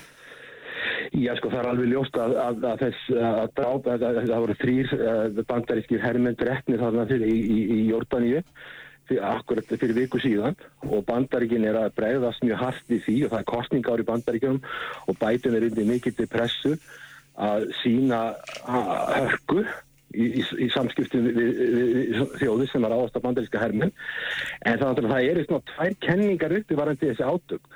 Einn er svo að, að Íranir séu að reyna að halla sér völl í miðurstöndum og ná þar, ná þar undir tökum og séu með alls konar hópa sem að þarna eru í Írak, í, í, í Jórdaníu, í hérna Sýrlandi, uh, Jemen og, og allir sem ná undir tökum og svo er náttúrulega í Líbanon og svo í, hérna, í Gassasvæðinu það er einn kenning. Önnu kenning er svo að, að, að þessir hópar eru að bregðast við ástandin á þessu hörmulega ástandi á gasa mm. að þeir eru að reyna að sína þeir kalla, kalla því axis over resistance, þeir, þeir eru svona samtök sem er að, er að reyna að bregðast við og tökum til dæmis að því að nú var árás á hútís í, í nótt og í Jemen að þá hérna sko, þeir ráðast á skip sem er að fara í getnur rauðahæðu og er að leiðinni í, í súaskurðin og þannig að það hefur skelvilega áhrif á heimsækjandi. Þarna er ólíja og alls konar vörur að fara gett sem er mjög mikilvægt og hvers vegna gera þær það? Þegar að sko, Ísrael er, er, er, er yfir 2000 km fjalla frá, frá hérna Jemen. Og þeir hafi ekki eldflögar til að skjóta á Ísrael. Og þess vegna ráðastir á þessu skip held ég. Að það er alltaf einn kenning sem ég finnst vera nokkuð trúverðu mm. og hérna til þess að, til þess að gera eitthvað. Og ef þið verður að skjóta yfir Ísrael þá verður það að skjóta yfir Sáti Arabíu þá verður það að rjúa eða brota á lofthelgi í Sáti Arabíu. Þannig að sko ég held að rót vandans og ég held að auðvitað erfið sem við sagt þá og svo margir og, og lítið að franga til samþjóðuna rót vandans náttúrulega í þessu máli er það að það hefur ekki verið fundin einn lausn á gasamálinu og það er bara það er, það er, er ástandi mjög eldfitt En eins og er það alveg ljóst að bandaríkjumenn vilja alls ekki að þetta stríð breyðist út e, til Íran sem náttúrulega er tölvöld mikið veldi þarna. Mm. og þess vegna hefur, var, voru þessar árásinn, þar voru gerðar í, í, í Íran, í Írak og í, í Sýrlandi. Og svo hafður gerðar árásir á söður Jemen sem vegna hérna það sem hútís eru. En það hefur ekki verið og á ekki að gera neina árás á, á, á í, hérna, Íran og Íran er ekki gera neina árás á, Ísraeli eða neina nágrannaríki en það er náttúrulega hægt á því að þetta muni breyðast út. Já, en það er náttúrulega svona, allavega maður sér það líka því þú ert að tala um kenningar að að þá eru nú svona þó nokkur virtir eh, spekulantar í þessum fræðum farnir að tala um að þetta sé nú þegar orðið eitthvað svona proxy eða svona staðgengis stríð fyrir staðgöngu stríð fyrir milli Íran og Bandaríkjana og það sé, band, það sé verið að hérna, nota þessa hópa sem eitthvað svona ég veit ekki, milli göngu hópa í þessu. Það, þetta séu orðin raunverulega átök milli Bandaríkjana og Íran en, en þau fari fram svona til hliðar Já, já, þetta, það, það má segja þetta sé proxy war, en það, það er styggsmunir þegar að Íran er komið beint inn í stríðu og það er farið að skjóta eldi í Íran. Íranir eru vel vopnubúnir og það er miklu alvarlega í staða ef að Íranir fara að beita fullu afli í stríðinu heldur en eins og þeir núna. Mm. Og hérna, en þeir hef ekki gert það og bandar ekki menn leggja miklu áslá það er allir ekki, vil ekki breyða þetta stríð út, en samt sem áður eru að bóða það að þetta verði hérna að þetta stríðmunni þeir vilja halda áfram þessum árásum og það er náttúrulega hægt á því að þetta breyðist út og já það maður, það eru til fræðum sem halda því fram að þetta raunverulega sé komið þetta stríð og það er náttúrulega mjög alvarlegt og það er mjög alvarlega áhrifur í heiminn en svo er það líka mjög alvarlegt sko að það hefur aldrei verið reynt að, það hefur aldrei verið eitt í þinni alvöru að finna lausn á málefnum gasa af því að saminnið þjóðan hafa verið mjög fyrirferðan að þá vil ég fullir það samlið þá þeir mjög, hafa reynst mjög gags lítil stopnin í þessum málu, hún stofni 49 áratugum saman hafa samlið þá þeir haft tækifæri og átt að vinna einhverju, end, einhverju endanleiri lausn á málefnum palestinum manna hefur alls ekki geta nú er geta að kenna kannski samlið þjóðanum um það. Skipilast sé eru samlið þjóðanum mínum að þið nánast ólítstofnun og gerir lítið gatt og svo er þetta ekki að benda á það var þess að neyðarast hún er mjög mikilvæg. En það er mjög óeðlilegt að neyðarast standi yfir áratugum saman. Neyðarast á bara standa yfir í skamman tíma og, eh, og sérstaklega veist þannig stofnum sem er að veita neðrast að 80% af framlögunum fara í launa starfsmanna. Og þetta, þetta á ekki að neðarastóð er mjög mikilvæg en hún er ekki neina varaðið löst það er ekki löst að reka neðarastóð til þess að núna það er verið að varpa sprengjum á gasa sem eru 2000 pund stykkir og mjög alvarleg staða og þú leysir þetta ekki með neðarastóð Grund, það, það er vandinni sá alþjóðarsamfélagið er ekki tilbúið og hefur ekki tæki til þess að rá- að ráðast að rótvandast sem er að koma á friði og tækja ekki að löstni á gassasvæðinu á, á Ísæl. Palestinmenn með, si- með sitt ríki og Ísæl með sitt, ríki, það hefur ekki tekist. Og samlið þjóða þurfa að spyrja sig að því hvernig stendur á því að það eru búin að starfa alltaf þess áratvíi og hafa ekki getað gert neitt til að koma neina varðarlega lausn. Og auðvitað, ég, ég, ég virði það að fólk sé að veita, að stofnið sé að veita neður en mér finnst það bara að vera Mér finnst það bara að vera halkið hræstni að, að, að, að vera með neðrættu þarna í gangi áratugum sama, það gengur ekki upp. Neðrættu í erisinu er alltaf skamtíma laust til þess að bjarga, bjarga málum í, í, skamma tíma en ekki, ekki eitthvað sem á standi við mjög langa tíma. Myndi þú segja að, að þessi átök sem við erum að sjá núna breyðast út til fjölmark landa að þau eigi, sem sagt, það er þín kenning að þau upprunið þeirra ástæða þeirra sé sé ástandi inn á, á, á svæðin palestýrumanna, það sé, sé undirótin. Ég held að þetta ástand sé algjörlega óviðunandi. Það er ekki, það er eru 30 30.000 palestinum mann er talið látið lífið. Þetta er algjörlega óviðunandi staða. Ég hef, ég hef samt samúð með Ísraelsmennum. Við skulum gáða því að Ísraelsmenn samtast er eitthvað 16 miljónir helmingur þeirra býr í Ísrael. Á meina muslimar eru eitthvað 2 miljóðar manna, Ísrael eru eitthvað 0,2% af mannkyninu, á meina muslimar eru 25%. Þannig að Ísraelar sálfræðilega finna sig mjög e- eina og undir, undir, undir mjög mikið til pressu, þetta hafa þær stuðningruppandaríkjunum sem beita neitunarvaldi hjá sam, samlið þjóðanum í öryggstáðinu, hvers getur sem þarf. En hérna... Og mögunum gera það vantlega aftur á morgun þegar það verður fundur í öryggisráðinu að kröfur úsa. Já, sko, bandaríkjuminn hafa veitt aðstóð til Ísraela nánast algjörlega á nokkur að skilja það og beitt neitnavaldi og þetta er einna göllum samlið þjóna að öryggisráði algjörlega úrættstofnun þetta er eins og heiminu var 1949 þegar það var sett á fót. Algjörlega úrætt, þetta er ekkert muslimaríki sem hefur fasta fulltrúa í öryggisráði það er bara, þetta eru þessu gömlu veldin sem unni setni heimsiröldina sem að ráða það nöllu Já, já. og fyrir Kína, þannig að þetta er úrættstofnun, hún hefur ekki ráð við hlutur nú er ég ekki, ég, ég hef unni á alþjóðabankanum og ég, ég tekki marga starfsmenn saman ágættir en það er eitthvað, það er eitthvað, það er eitthvað svona struktúr vandamál að þjóðan geti eitt land bara stoppa alltaf og það geti liðið svona langt áratýr á þessi nokkuð löstfundin á þessu vandamáli. Og auðvitað bandarikin er náttúrulega mjög tengt Ísrael og styðja þá og núna til dæmis var bara, ég veið sjá það að fósiti fullflóðdeildar bandaríkja þings var að, var að tala um það að nú ætti að veita Ísraeljum 18 miljardar dollara aðstóð alveg úr tengslu, sko áður var þetta Úkræna, Ísrael og svo landamæra vasla við Mexiko Mm. En núna er þetta bara aðstóð sem á að fara til Ísraela 18 miljardar dollara og hún vil renna í gegnum bandaríkjum því, að- því, að- Ísrael hefur mjög sterkast stöðu þar og, en, en við erum ekki menin að varalega lausna, ég held þetta sé ég held, þú sér það bara, þú hlustar bara fólk hér á landi og svo bara vesturlöndum að staðan í, á gasasvæðinu og í Palestinu er algjörlega óvinnandi og er bara algjörlega ómanniskileg Já, og verður ekki en að unnast en hvað, sko, hérna, eitt af því sem er alveg merkilegt að rétt, ég mann ekki nákvæmlega hvenur, en mjög skömmu áður en að Hamas gerði innráð sína eða framkvæmdi sín hriðiverk í innan landamær Ísraels. Þá var viðtalið Anthony Blinken, auðvitaðringsæðara bandaríkjana, þar sem hann eh, lýsti því yfir að það hefði bara ekki verið jafn friðvænlegt í miðausturlöndum lengi og bandaríkjumönu lítist bara almennt vel á stöðuna. Það var Jack Sullivan, þjóðaröryggisráð. Já, já, fyrirgeðu, allt í fína. Hann Já, þetta, já, hann sagði þetta, já. Hann, hann sagði þetta, já og þetta er málið að það, eins og við höfum rættin í þessum þáttum áður, að þá voru bandaríkinn að leggja drög að, að ná varalegum friði og samningum milli Sáti Arabi og saminuðu arabísku fyrstöldæmana með, með samstagsverkefni við Ísrael. Og það var einmitt á þessum tíma þegar G20 sem var í Indlandi, þá var bætin að tala um þessa, þetta verkefni og þá átt að normalisera sambandið milli, milli Ísrael og þessara Araparíkja en, og þá leiti þetta þannig út eins og það ætti bara að gleyma gasasvæð, nú segir hann þjóður ekki að segja það sé bara kyrð og ró. Mm. og þá er það skilabóð ok, það er bara, hlutinir er í lægi núna, sko, við þurfum ekkert að gera. Já, en, það, en, en, svo bl- blossar þetta upp nú er ég ekkert að afsaka Íran og, og þeirra stjórnhættu og allt þetta.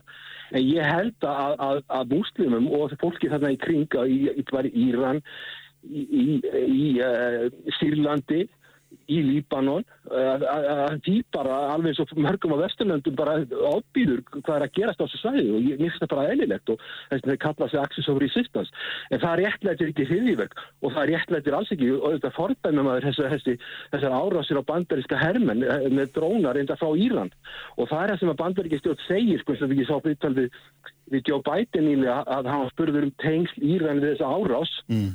á, á hérna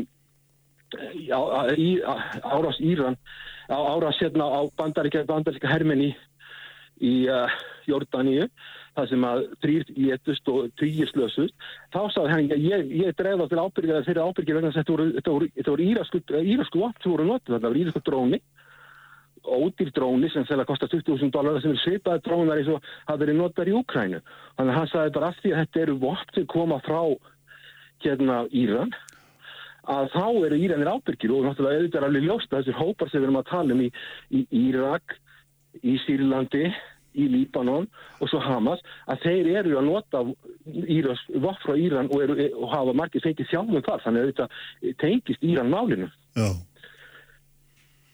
Þannig að þetta er svona, öllu þessu samanlöðu þá held ég við getum komist að þeirri niðurstöð að þarna er þvert á móti, uh, þvert á það sem að þessi ágættu öryggisrákjaði sagði þá er þjóður öryggisrákjaði þá, þá hérna, þá er þarna ófríðlegra heldur en lengi hefur verið.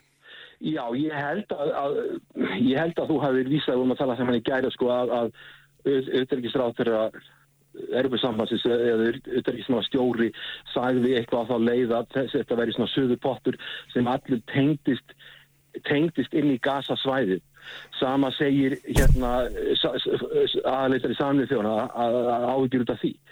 Og, og ég held að það, að það hafi ekki fundið varanlega lausn á því máli uh, áratugum saman, það, það veki spurningar. Þetta vekur líka spurningar um bandaríkina og hagsmunni bandaríkina að, beita það neitunarvaldi og reyna ekki að finna varanlega lausn. Það er búið að tala um að leysa þetta mál tekja ekki lausn. Síðan, síðan á, á sjönda áratögnum, sett á sjönda áratögnum þegar Jimmy Carter og Fossiti hefur ekki verið gert. Og svo vakna líka spurningar samið þjóðuna sem voru stopnaðar í 1949 í kælfar setni heimstyrnatörna til að koma friði heiminum hafa algjörlega reynst gagslausar í þessu máli, ekki gert náttúrulega skapaðan hlut sem hefur komið að varanlega friði. Mm. og ég fullir þau úr eftir stopnun ég ber virðing fyrir, virðingu fyrir þeim sem er að veita neðrastóð en ég leg, myndi leggja áherslu á það er engin lausn að vera að tala um neðrastóð þegar þú ert að tala um að varpa á sama tíma 2000 pundar sprengin yfir þetta fólk sem er á býra og mjög litlu svæði. Það, það, þetta er bara, þetta, þetta er þáránlegt Já, það er hérna það má með sanni segja. Við skulum sjá hvernig þessu vindur öllu framhilmar og hérna heyrumst aftur þegar að þegar fram í sækir. Takk að það fyrir. Bestu þakkir fyrir að vera með mér eins og alltaf. Blessar og við förum þá bara að ljúka sprengisendunum hér í dag fórum auðvitað aðeins um viða möll en þó hérna heldum okkur aldrei við skipilagsmálinn og, og húsnæðismálinn hérna heima en, en á elundu vettvangi voru það auðvitað var auðvitað þetta ástand fyrir botni miðjararhaf sem að sem að við beindum sjónum að. Nú, uh, Ívar Davíð Haldarsson stýriði útsendingu eins og hann gerir alltaf allt efni að finna á vísi.is og bylgjam.is og í bylgju appinu og svo ætlum við að vera með ykkur hér aftur eftir vikun. Verðið sæl.